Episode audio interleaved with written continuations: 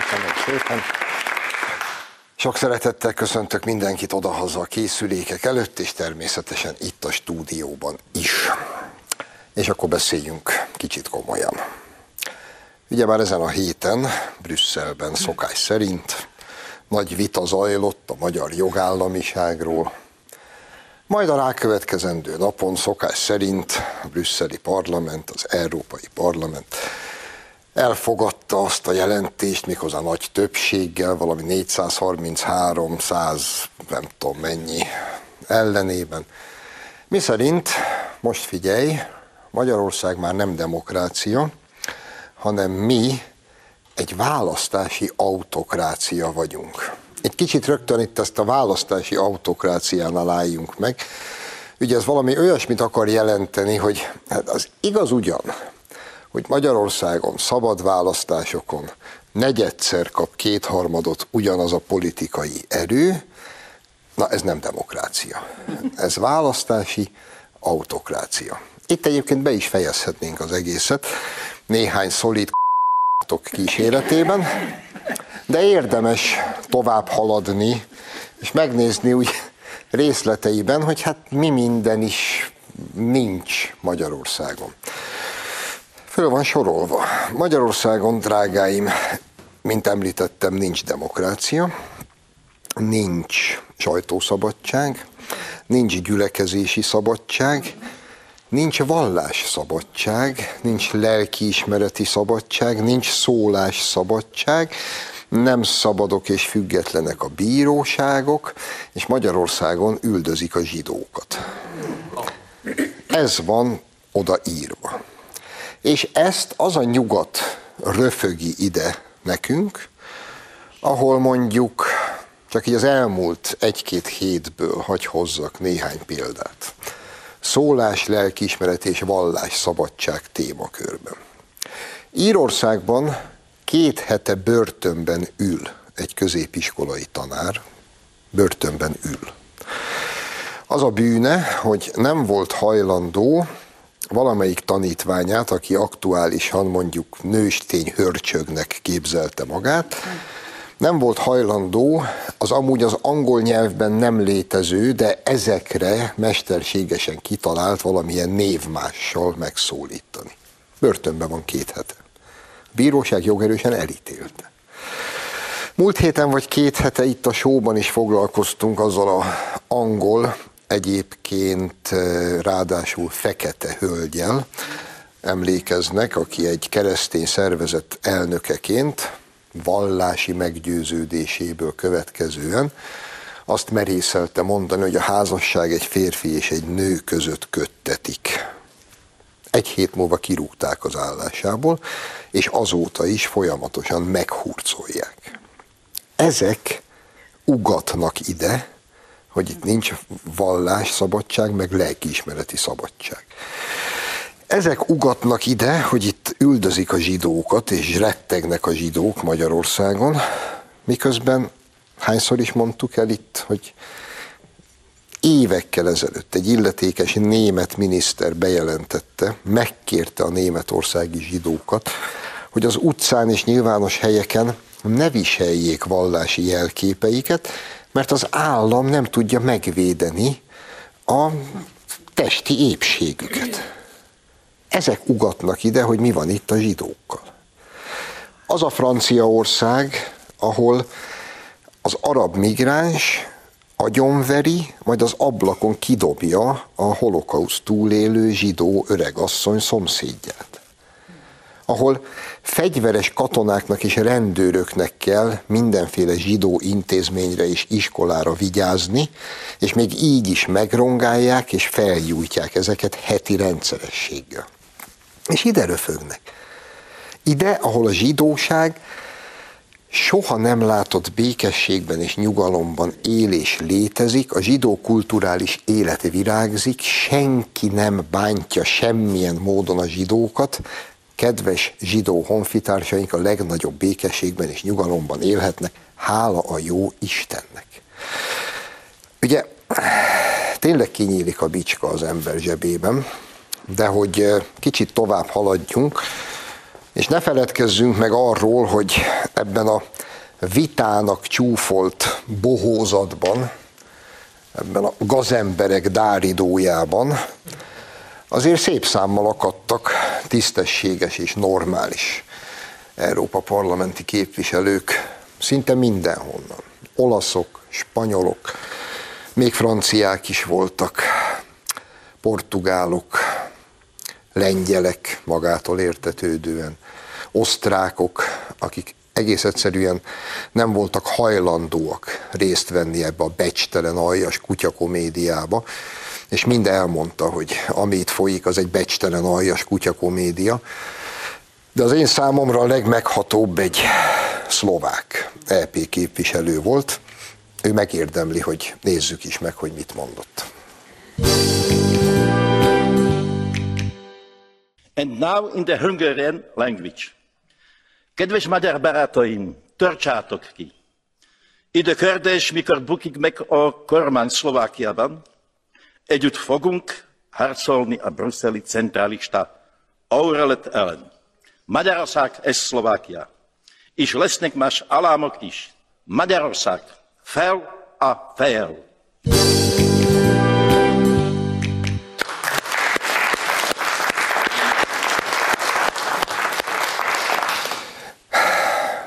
Ez a nagyszerű ember, amennyire tudom, egyébként nincsenek is magyar gyökerei. És elmondta ezt, amit elmondott. Szlovákként nekünk. Hálásak vagyunk érte, köszönjük, és nem fogjuk elfelejteni. És egyébként, hogyha gondolkodunk, és itt az ideje mindezek után, hogy alaposan elkezdjünk gondolkodni a jövőnkről, és úgy egyáltalán Európa jövőjéről, akkor én azt javaslom, hogy ne essünk kétségbe. Mert eh, ők, a csehek, ahol 80 ezeres tüntetések vannak a kormány ellen, amelyekhez már a cseh szakszervezet is csatlakozott, ami azért fontos egyébként, mert amikor az első tüntetés volt a Vencel téren, ilyen 70-80 ezer ember ment ki az utcára a mostani Lipsi, Brüsszel seggét nyaló cseh kormány ellen tüntetni, akkor másnap a 444 megírta, hogy Prágában a szélső jobb tüntetett. Ej, ha mondom, de sok szélső jobboldali van a cseheknél. Aztán, mikor csatlakoztak a szakszervezetek, akkor azon gondolkoztam, hogy tényleg már szakszervezetek is nácik a cseheknél. Mindegy. Csehországban is inog minden. A szlovákoknál is inog minden. A lengyelek, beszéltünk már erről, megtapasztalták, hogy mit várhatnak Brüsszeltől, még akkor is, hogyha tényleg, mint a kutya, amikor megadja magát az erősebb kutyának, és hanyat fekve szétdobja a négy lábát, eddig elmentek a lengyel barátaink, elmentek a falig, megállapodtak, ehhez képest egy büdös vasat nem kaptak, és ezt meg is mondták nekik. Moraviecki pedig közölte, beszéltünk erről, de nem lehet elégszer elmondani, gyakorlatilag kanosszát járva visszajött V4-eket, élesszük újra Magyarországgal a kapcsolatokat, újra kell kezdeni Orbán Viktorral szoros szövetségben, és mindezeken túl Moravéckinek volt egy nagyon fontos mondat, ami így szólt, a Brüsszel nem ad pénzt, ezek után már nem is kérünk, majd megoldjuk máshogy. Ezt mi is kiírhatjuk a homlokzatra. Úgy is tudjuk, hogy nem fognak adni egy vasat se. Nem is kérünk, majd megoldjuk máshogy. És ha a V4-ek ismét összeáll, és össze az olaszoknál jön a választás. Jelenleg úgy néz ki a helyzet, hogy nem egyszerű, hanem kétharmaddal fog nyerni az olasz jobboldal. Nincs miről beszélni. A nyugati államok közül a legnagyobb szövetségese Orbán Viktornak Meloni asszony és Salvini. Nincs miről beszélni. Svédország ki hitte volna, 90 év után győzött a jobb oldal, 444 megírta másnap, hogy a szélső jobb oldal előre tört Svédországban. Egyébként az érthető, mert ott van rohadt szemét bolsevik szemszögből természetesen mindenki szélső jobboldali. Tehát nem csak olyan 444 számára nem létezik más, mint szélső jobboldal, zárójel bezárva. Svédországban úgy tűnik, hogy mintha megelégelték volna a népek a migrációt, a beözönlést és az ennek nyomában járó brutális, szétrohadt közbiztonságot, valami más útra akarnak lépni. Mindenből pedig a mi számunkra az következik, hogy készülnünk kell. Készülnünk kell arra, mondom újra, hogy Olaszországgal szerintem Ausztria is hamarosan visszatér a normalitás útjára. Az újra feltámadó V4-ekkel külön utas politikát kell csinálni, és le kell szarni Brüsszelt. És nem nekünk kell kilépni az Európai Unióból. Ugyan már? Szét fog az esni magától. Perceken belül. Emlékezzenek szavamra. Az euró fog először megszűnni, aztán majd szétesik az egész. És ha engem kérdeznek, szerintem a hollandok fognak először kilépni. Most ezt ne részletezzük. Külön utas politikát kell csinálni, és hogyha meg tudjuk szerezni a pénzt máshonnan, amiben nagyon bízom, és szerintem a lengyelek is már tudnak, vagy tudhatnak valamit, akkor azt is kiírhatjuk a homlokzatra, hogy Brüsszel pénzen nélkül is van élet, sőt, az unión kívül is van élet, sőt, ti pont olyanok vagytok, mint a ruszki szovjetek voltak 45 után, ti csak zabrálni tudtok, fosztogatni, meg diktálni, csak az a különbség, hogy ezt a szovjet oroszok legalább az ellenségünként csinálták velünk. Ezek megállítólag a szövetségeseink. Úgyhogy ez a jövő, amire készülni kell, és nem pedig siránkozni. És egyébként, hogy hogy is néz ki ez a nyugat, ez a kedvenc témám mindig. Ugye meghalt a királynő.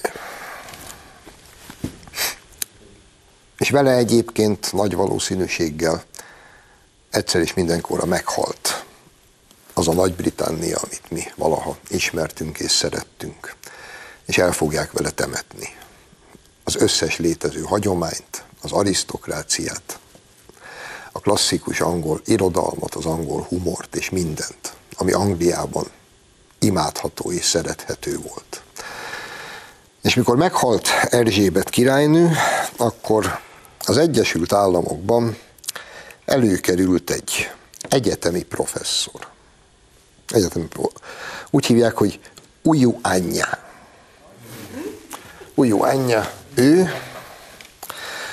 aki a Carnegie Mellon Egyetem professzora, és nagyjából 24 órával Erzsébet királynő halála után közölte a Facebookjára, kiírta, hogy ennek a nyomorult nőnek, ennek a népírtó gyarmatosítónak, ennek a tolvaj erőszakoló népírtó birodalom legfőbb uralkodójának gyötrelmes és fájdalmas halált kívánok. Ujú anyja. Ő egy egyetemi professzor. És akkor talán itt erről a helyről üzenhetjük neki, hogy mi nagyon reméljük, hogy amikor ő majd haldoklik, akkor az ő ismerősei és szerettei békés, szép, csöndes és nyugodt halált fognak neki kívánni, ugyanis az emberek ezt így szokták. Ezek pedig így szokták, és ez óriási különbség. Úgyhogy könnyű halált kívánunk újú anyjának, hogy imigyen is megtegyük a fontos különbségtételt. Aztán maradjunk még egy kicsit a festői nyugaton, aztán már nem sokára hazaugrunk. Ugye Joe Biden már kinevezte a kis barátunkat, akiről sokszor beszéltünk, aki az atomenergetikai hivatalt vezeti, aki a fiúit pórázon sétáltatja a kutya jelmezbe, és aztán nyilván, mikor megetette őket a kistából, akkor imigyen meg is hágja mindet. Sokat foglalkoztunk vele, szép, kedves, gusztusos, szeretni való ember. Biden bácsi most kinevezett még egy magas hivatalra valakit, a majomhimlő elleni küzdelem biztosa, itt, itt látható. Én most már azon szoktam töprengeni, hogy az Egyesült Államokban lassan senki más nincs, csak bőrszíjas, kutyajelmezes Senkit nem lehet mást kinevezni. Ez itt valami görög nevű, hogy nem, olyan mindegy, hogy hogy hívják, nem? Egyébként orvos. Ez orvos, ő a doktor úr, imádja a sátán keresztet, az összes bőrszíj, meg minden szart sátán keresztek vannak rajta. Több fotó van olyan is, ahol valamilyen rejtélyes oknál fogva ő is ilyen bárokba kutyajelmezes csávókkal ölelgetik egymást, meg smárolnak. Én azt nem értem, hogy én mindent értek lassan, de hogy ez guszta, nem? Az ember úgy kedvet kap, hogy eljárjon a doktor úrhoz.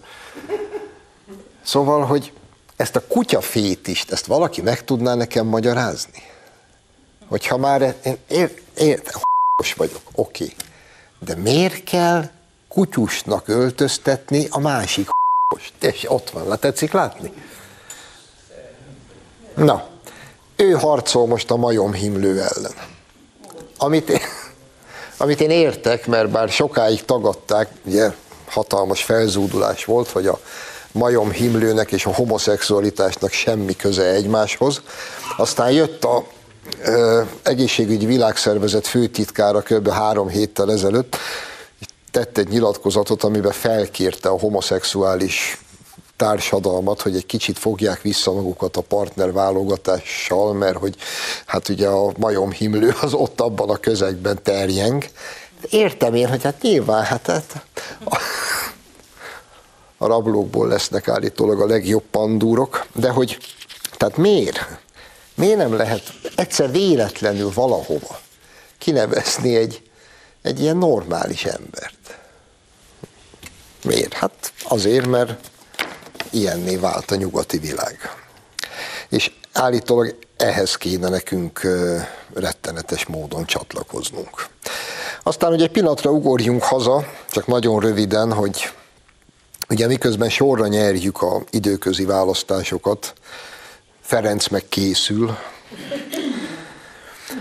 és ez annyira frusztrálja ezt a sok beteg bolsevikot, hogy most már nem nagyon rejtik véka alá, hogy mit szeretnének, úgyhogy elő is állt egy Batka Zoltán nevezetű népszavás újságíró a minap, egy hosszú Facebook bejegyzésben ilyeneket írt, hogy a Fidesz egy sunyi rohadt ellenség.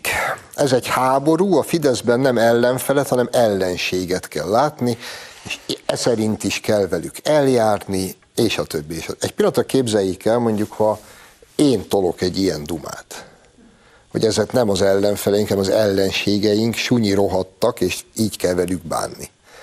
Kvázi itt ilyen polgárháború szítása Batka Zotyótól, szimpatikus rác. Egyébként ott szokott tücsörögni a kormányinfókon.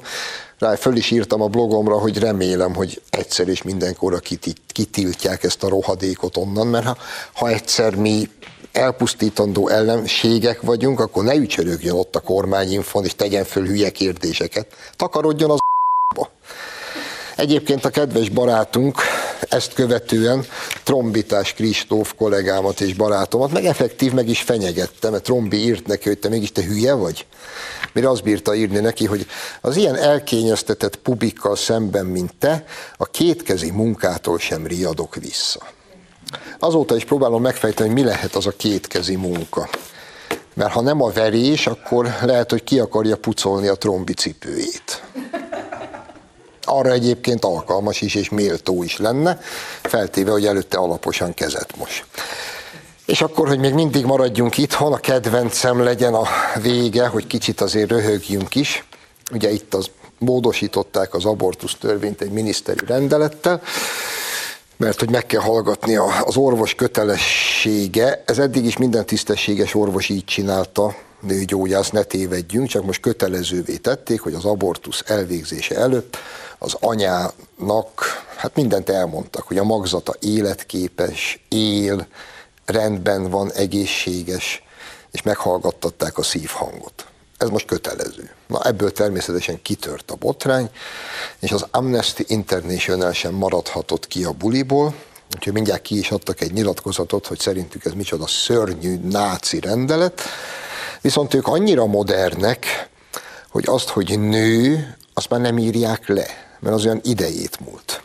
Úgyhogy a következőt bírta leírni az Amnesty International tiltakozó nyilatkozatába. Figyú, az abortusz törvény módosítása veszélyezteti a teherbe esésre képes személyeket. Na és itt, itt mindenki is derül. Ugye nekünk édesanyánk van. Az Amnesty International tagjainak pedig teherbe és esésre képes személye. És itt minden el is vált, a szaramájtól. Ők attól ilyenek, mert őket nem az anyjuk nevelte fel, hanem egy teherbe esésre képes személy. Amúgy viszont, ha ezen a nyomvonalon haladunk, akkor, és én már el is kezdtem ezt a gigantikus munkát, mert a magyar irodalmat ideje megreformálni, különösképpen a költészetünket. Tele van anyával, meg mamával. És mennyivel szebben hangozna például így. Már egy hete csak a teherbe és esésre képes személyemre gondolok mindig. Meg-megállva, nyikorgó kosárral kezében, ment a padlásra, ment szerénye. Ugye, hogy sokkal szebb? Csak ez a hülye József Attila, ez az elmaradott mama. Hú, rettenetes maga a szó is.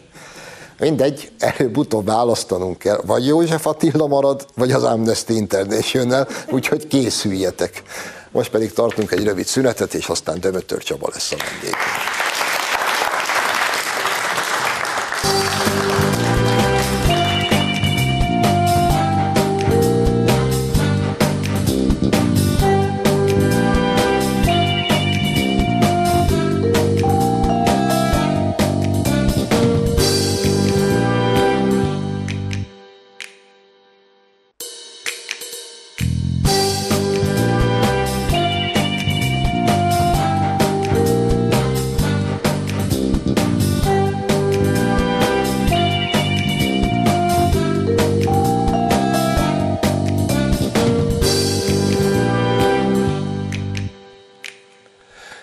Folytatjuk a műsort. Vendégem tehát a stúdióban Dömötör Csaba, a miniszterelnöki kabinetiroda parlamenti államtitkára. Szia! Jó estét! Jó estét! Csaba, mi másról is beszélhetnénk, mint sem arról, ami ezen a héten az Európai Parlamentben zajlott. Lett légyen szó akár a vitáról, akár a vitanapot követő szavazásról. Csaba, ha ha én végigolvastam ezt a kis jelentést, és az abban foglaltakat, jól látom én, hogy a jelenlegi Magyarország az ezen jelentést elfogadó 433 EP képviselő szerint lényegesen rosszabb hely, mint Stálin Szovjetuniója vagy Rákosi Mátyás Magyarországa volt? Ugye jól látom én. Hát ha valaki csak az ilyen jelentések alapján tájékozódik, akkor kialakulhatna ez a vélemény. Sokféle tanulsága van ennek a történetnek. Kezdjük mondjuk onnan, hogy vajon jól mérje fel a, az európai problémákat az az intézmény, az Európai Parlament, amely egy háborús helyzetben, egy energiaválságban, egy abból fakadó gazdasági válságban azt mondja, hogy a legfontosabb dolga, hogy a Magyarországról szóló jelentést ki tudja hanyadik alkalommal elfogadtassa. És hogyha valaki beleolvas ebbe a jelentésbe, akkor olyan túl sok meglepetésre azért ne számítson. Az olyan kérdésre, kérdéseket vetnek fel megint, amelyekről azt gondoltuk volna, hogy már jogi értelemben is lezártuk. Például kritizálják a választási törvényt. Miközben egyébként a, a módosítások előtti időszakban volt óriási különbség az egyes választókerületek lélekszáma miatt, és aki egyébként a körzetek módosulása ügyében érzékeny, javaslom, hogy nézegessen mondjuk az Amerikai Egyesült Államok választó kerületeit. Egészen furcsa térképeket tudnék hozni. Senki nem gondolná, hogy valóban választókerületekről van szó, annyira furcsa formájuk. És a tegnapi vita arról is meggyőzött minket, most amikor felveszük a beszélgetést, azt mondhatjuk, hogy ez, ez tegnap volt, a, arról is meggyőzött minket, hogy miközben zajlik egy jogi eljárás, ahol is azt gondolnánk, hogy a tények számítanak, a, ezekben a vitákban, a parlamenti vitákban egyáltalán nem. De azért a súlypontok beszédesek. Tehát megint elővesznek minket azért, mert nem bánunk a bevándorlókkal kellőképpen jól. Legalább akkor tudjuk, hogy honnan fúj a szél. Tehát akkor tudjuk, hogy ez is a nyomásgyakorlás egyik eszköze. És hogy még egy vonatkozást mondhatok, az egészen méltatlan, ahogyan a Magyarországon megválasztott baloldali képviselők az ilyen jelentések elfogadásakor és elfogadása előtt eljárnak. Az a része is, hogy kampányolnak az országuk ellen, az ellen, hogy megkapjuk az uniós forrásokat, majd idehaza szétteszik a kezüket, hogy a kormány miatt nem kapjuk meg az uniós forrásokat. Hogyha azt mondom, hogy nem fair, hogy ez nem helyes, akkor a létező legpuhább kifejezés használtam a használhatóak közül. Kicsit még maradjunk itt. Nekem még minden, de egy valami, nem tudom miért, de különösen szúrta a szemem és felháborított, és a bicska kinyílt a zsebembe. Nevezetesen az is bele van ebbe a jelentésbe írva, hogy itt a Magyarországon a zsidóságot mindenféle dolog fenyegeti, és hogy a kormány itt nem áll a helyzet magaslatán, mert nem védi meg a hazai zsidóságot. Mondják ezt arról a nyugatról, ahol tudjuk, hogy mi zajlik nap mint nap. Ez nem... Gyilkosságok történnek, fenyegetettségben élnek, nem én mondom, hanem az ottani közösségek. Hogyha ezt a kérdést fontosnak találják, szerintem fontos a 20. század tapasztalatai történései, tragédiái alapján is, akkor egy dolgot javaslunk, hogy az itteni zsidóság képviselőivel először vegyék fel a kapcsolatot, és kérdezik meg őket, hogy biztonságos-e a, a, az élet. Cseh Katalin azt hiszem, hogy ő volt egyébként, arra biztatta a képviselőtársait, hogy jöjjenek el Magyarországra és győződjenek meg, győződjenek meg arról, hogy mi történik. Ezzel egyébként egyetértek, végre valami. Csak egy dologgal egészíteném ki, hogyha eljönnek Magyarországra, akkor ne csak azokkal az aktivista csoportokkal egyeztessenek, akiket egyébként a legtöbb esetben külföldről pénzelnek, és ugyanazt mondják, mint amit ők hallani akarnak, hanem beszéljenek a választókkal, beszéljenek olyan civil szervezetekkel, amelyeket nem külföldről pénzelnek, és egyébként menjenek el a vidék Magyarországára is, és kérdezzék meg az ottaniakat, az ott élőket, hogy vajon miért tartották fontosnak a háború és béke kérdésében a kormány álláspontját, és mit gondoltak a baloldal álláspontjáról. És akkor abból levonhatnak következtetéseket. Egyébként is egy meghatározó probléma az most, hogy úgy hoznak döntéseket, mondjuk a szankcióról, hogy nincsen meg a lehetőség arra, hogy az állampolgárok mondjuk az, a brüsszeli bürokraták irányába kifejezzék azt, hogy ez így nincsen rendben. Nincsen meg a visszacsatolás lehetősége. Egy kormány irányába ezt meg lehet tenni a választásokon, vagy választások közötti időszakban is. A bürokraták irányába ezt nem lehet megtenni. Az Európai Bizottság elnöke irányában nagyon nehezen lehet megtenni, akik pedig szövegezik ezeket a javaslatokat, akár szankciókat, akár az országgal, Magyarországgal kapcsolatos javaslatokat, ott nagyon nehéz visszacsatolni azzal kapcsolatban, hogy valami nagyon nem stimmel, tehát tényben sem stimmel, vagy értjük a szándékot, de ebből óriási tragédia lesz, mint például a szankciók ügyében. Tehát itt a, a, ez a kérdés a demokrácia lényegéről szól. Jó, alkottak egy fogalmat, amit én próbáltam már itt értelmezni, nem tudom, sikerült-e. Ugye az szerepel ebben a jelentésben, hogy Magyarország nem demokrácia többé, hanem választási autokrácia. Ez micsoda? Vannak bizonyos kifejezések, amelyek időről időre felbukkannak. Arra lettem figyelmes, hogy ezek a kifejezések először ilyen aktivista csoportok jelentéseiben bukkannak fel először. Volt már ilyen hibrid rezsim, hibrid rezsim. Most a legújabb a választási autokrácia. Ha jól uh, idézem fel a jelentésből, akkor ezt most össze is uh, vonták. Igen. Már ez Hibrid mind... választási autokrácia. Uh-huh.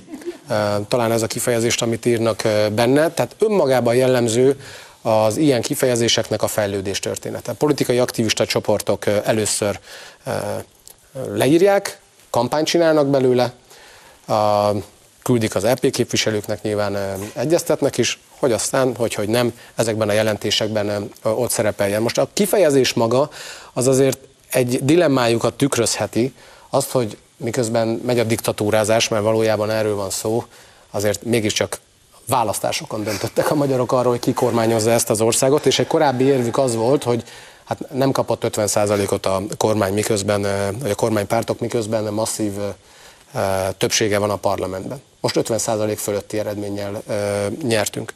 Soha kormányzó pártok ilyen felhatalmazást nem kaptak. Tehát valószínűleg érzik, hogy valahol bicsaklik a történet, hogy óriási felhatalmazás, magyarok milliói tüntették ki bizalmukkal ezt a ezt a kormányt, és így azért nehéz diktatúrázni, de a lényeg nem is ez, hanem az, hogy meghatározó ügyekben nyomásgyakorlásra használják ezeket a jelentéseket, és ami éppen súlyos, vagy talán súlyosabb is, az uniós forrásokat. Semmi másról nem szól. És néha ezt el is kottyintják. Például a jelentésben benne van, hogy a migrációs ügyekben nem értünk egyet. A gyermekvédelmi törvény ügyében világosan összevonták a költségvetési ügyeket az elfogadott törvényel. A külön adók ügyében is kapjuk a kritikát. A globális minimumadó ügyéről beszéltünk, ugye ott miről van szó? Nálunk alacsonyabb a társasági adó, más országokban, akár uniós országokban magasabb, ez számunkra egy versenyelőnt jelent, több befektetés jön, magas technológiájú vállalatok, magas technológiával rendelkező vállalatok fektetnek be, közben csökken a munkanélküliség, növekednek a bérek, tehát a magyar gazdaságot az erősíti. Ezt a versenyelőnyt, ezt valakik nem látják szívesen. Az, hogy rossz szándékból, vagy azért, mert saját maguknak szeretnének inkább erőforrásokat, az egy érdekes vita, de csak a globális minimumadó vitája az, az erre fut ki. És itt is van egy nyomásgyakorlás, és napestig sorolhatnám ezeket az ügyeket, amelyek szerintem valójában számítanak, nem pedig azok, amiket névleg beleírnak ezekbe a jelentésekbe. Csak egy pillanatra hagyd kérdezzem meg, hogy a különadókkal mi a problémájuk, mikor a vita előtt Ursula von der Leyen nagy évértékelő beszédében hosszan fejtegette, hogy az Európai Unió úgy döntött, hogy különadóval fogja sújtani az energetikai cégeket. Akkor most mi a bajuk a mi különadóink? Szerintem az a bajuk, hogy mi szedjük be, a kormány szedi be ezeket az adókat. Mert van pár javaslat, ami első hallásra, mintha úgy tűnhetne, hogy hasonló lenne, mint, mint amit mi elfogadtunk, vagy mi szeretnénk. De hogyha úgy fogadnak el külön adókat, hogy arról nem a kormányok rendelkeznek, hanem az uniós bürokraták rendelkeznek, akkor, akkor az valójában adózási jogkörök kiadása a tagországok kezéből. Vannak olyan adók, amelyeket uniós szinten vetnek ki, vagy szednek be, vannak ilyenek, de arról közös megegyezés van. A, amiben megegyezünk, az rendben van, de az, hogy lopakodó jogalkotással kivegyenek jogköröket a kezünkből, az nincsen rendben. Aztán a másik ilyen dolog a sajtóban is voltak ilyen hangok a magyar sajtóban, hogy hát az Európai Bizottság elnöke is ársapkát szeretne. Hát és nálunk is ársapka van, nem a rezsicsökkentés. Sugalták ezt. Óriási különbség van a kettő között.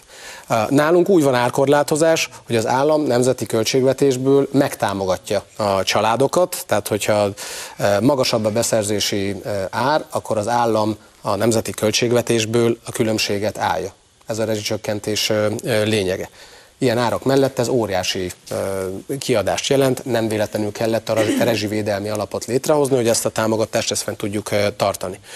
Hogyha az Európai Bizottság csupán arról dönt, vagy azt javasolja, hogy ársapka legyen az importra, gázimportra, az orosz gázimportra, az semmi más nem fog eredményezni, mint sem az, hogy Oroszország azt mondja, köszöni szépen, ezzel az áron nem fog szállítani nem lesz gáz. Tehát nem arról van szó, hogy az Európai Bizottság azt mondta, hogy lesz egy ársapka, és a magasabb árkülönbözetét majd ő kipótolja a uniós költségvetésből, hanem ársapka van, és semmilyen kompenzáció nincs. Ami gáz ellátási zavarokhoz vezethet, Oroszország nyíltan meg is üzente, hogy akkor nem fog, nem fog szállítani. Tehát a kettő között óriási különbség van, főleg a következményeit tekintve.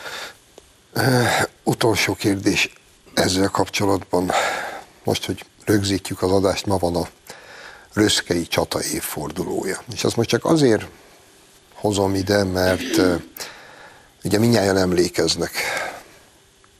Röszkén a migránsok, akiket valahonnan egyébként erre felbújtottak, majd egyszer az is kiderül, hogy kik és honnan, megtámadták a határt védő magyar rendőröket. Ültünk otthon a tévért, és döbbenten néztük, hogy mi történik. Majd másnap jött Gyurcsány Ferenc, és azt mondta, hogy a magyar rendőrök rátámadtak a békés menekültekre. És, és ült, és nem hitted el. És akkor gondoltam először, hogy tényleg nem, a valóság nevű nagybácsi elutazott. Most elolvasom ezt a jelentést, és ugyanez jut eszembe. Ez nem mindegy egyébként, hogy mit írnak bele ezek a gazemberek? Hát semmi köze a valósághoz. Hát jó pár olyan ember védelmére keltek, illegális bevándorló védelmére keltek, akik erőszakos eszközökhöz folyamat. Persze per is volt belőle, ítéletek is születtek. Most ezen Ahmed emberek, H, ügye, ezen emberek ügye korábban az ilyen típusú jelentésekben ott volt. Tehát feltevődik a kérdés, hogy kit képviselnek ezekben a vitákban. Egyébként az idő minket igazolt. Tehát a határzár működik, megérte kiállni mellette, és sajnos a mostani válsággal ez úgy függ össze, hogyha a gázára emelkedik, hogyha az élelmiszerárak növekednek, azért is, mert a kereskedelem nehézkesebb, Ukrajnából is például, amelyik nagy termelő ország, mezőgazdasági termelő ország, akkor az jó pár régiójában a világnak éhínséghez vezethet. És hogyha éhínség van, meg mellé még katonai konfliktusok, akkor az a migrációs hullámot nem mérsékli, hanem növeli. Tehát amikor azt mondjuk, hogy erre kell berendezkednünk, tartós migrációs nyomásra kell berendezkednünk, akkor annak konkrét oka van, és a háború az nem enyhített ezen a problémán, hanem csak súlyosbítja, hogy milyen jó, hogy annyi év eltelt, de még mindig áll a határzár, és kitartottunk ebben a vitában is. És csak mellesleg jegyzem meg, Ugye nekünk mindig elmondják, hogy a határkerítés szörnyű, le kell bontani, el kell felejteni, egy vasat nem adtak rá. A görögök az ugyanilyen határkerítésüket brüsszeli pénzből építették föl. Na, ennyit ezekről. De még mindig itt maradva, de már a szankcióknál. Nem akarlak kényelmetlen helyzetbe hozni, mert nyilván a testátuszot teljesen más, mint az enyém. De azért csak megkérdezem. Nem, nem kérdezem, elmondom. Én szerintem és a lengyel példából kiindulva, én most berakom egy borítékba, hogy egy büdös vasat nem fogunk kapni. Ti hogy látjátok?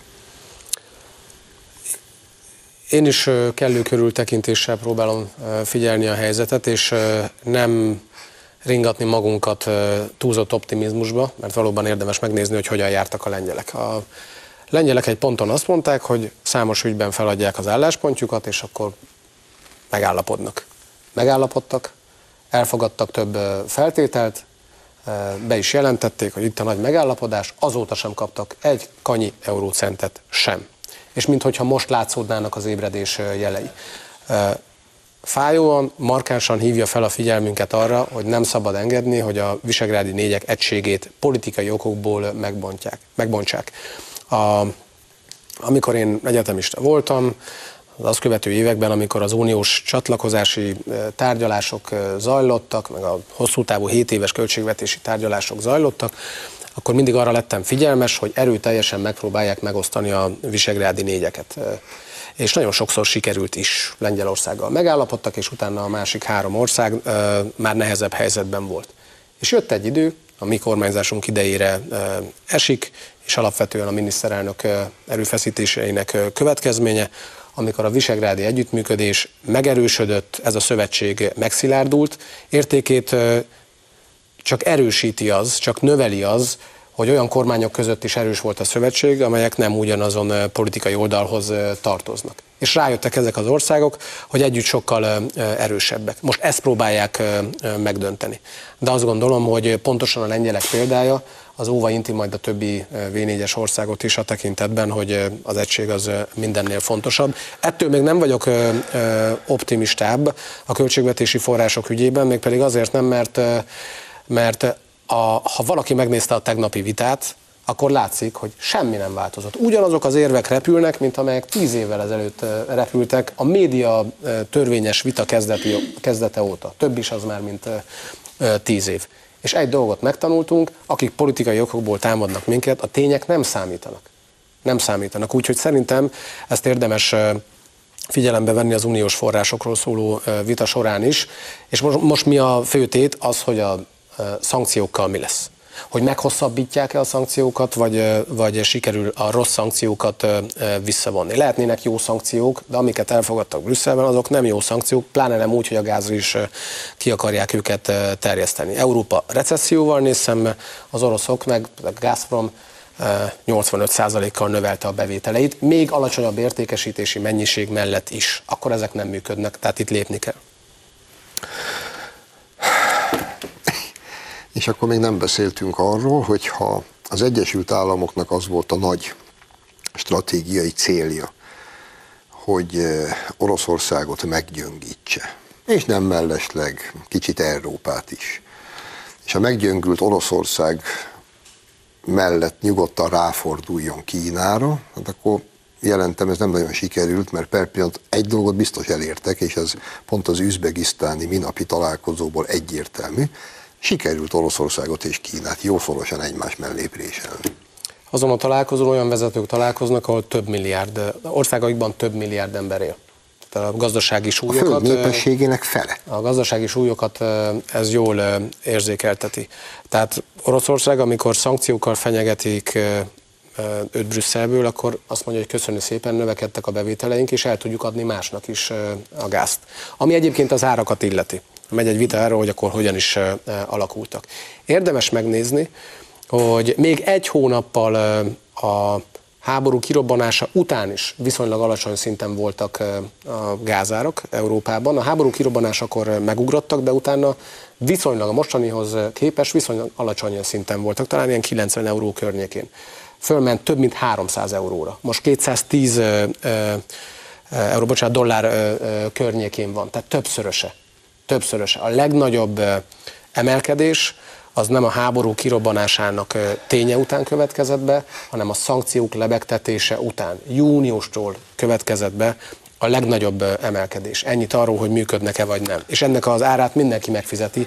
Svájcban ellenőrzik majd a hőmérsékletet a lakásokban, Olaszországban 9 millió embert fenyeget az energiaszegénység, Svédországban arra tesznek javaslatot, hogy inkább tegyék ki a hidegre az élelmiszert, és kis sátrak legyenek a, a a nappalikban, Svédországban, azért, mert ott nagyon sok, a legtöbb helyen árammal fűtenek, és gyakorlatilag minden egyes országból tudnék hasonló példákat hozni. Tehát az élet bizonyítja azt, hogy ezek a szankciók nem működnek, úgyhogy ez most szerintem az előttünk álló hetek legfontosabb kérdése. Akkor legyen ez a végszavunk, most fog be a füled, de ettől még tény, Csaba példáit egyel kiegészítem befejezésképpen.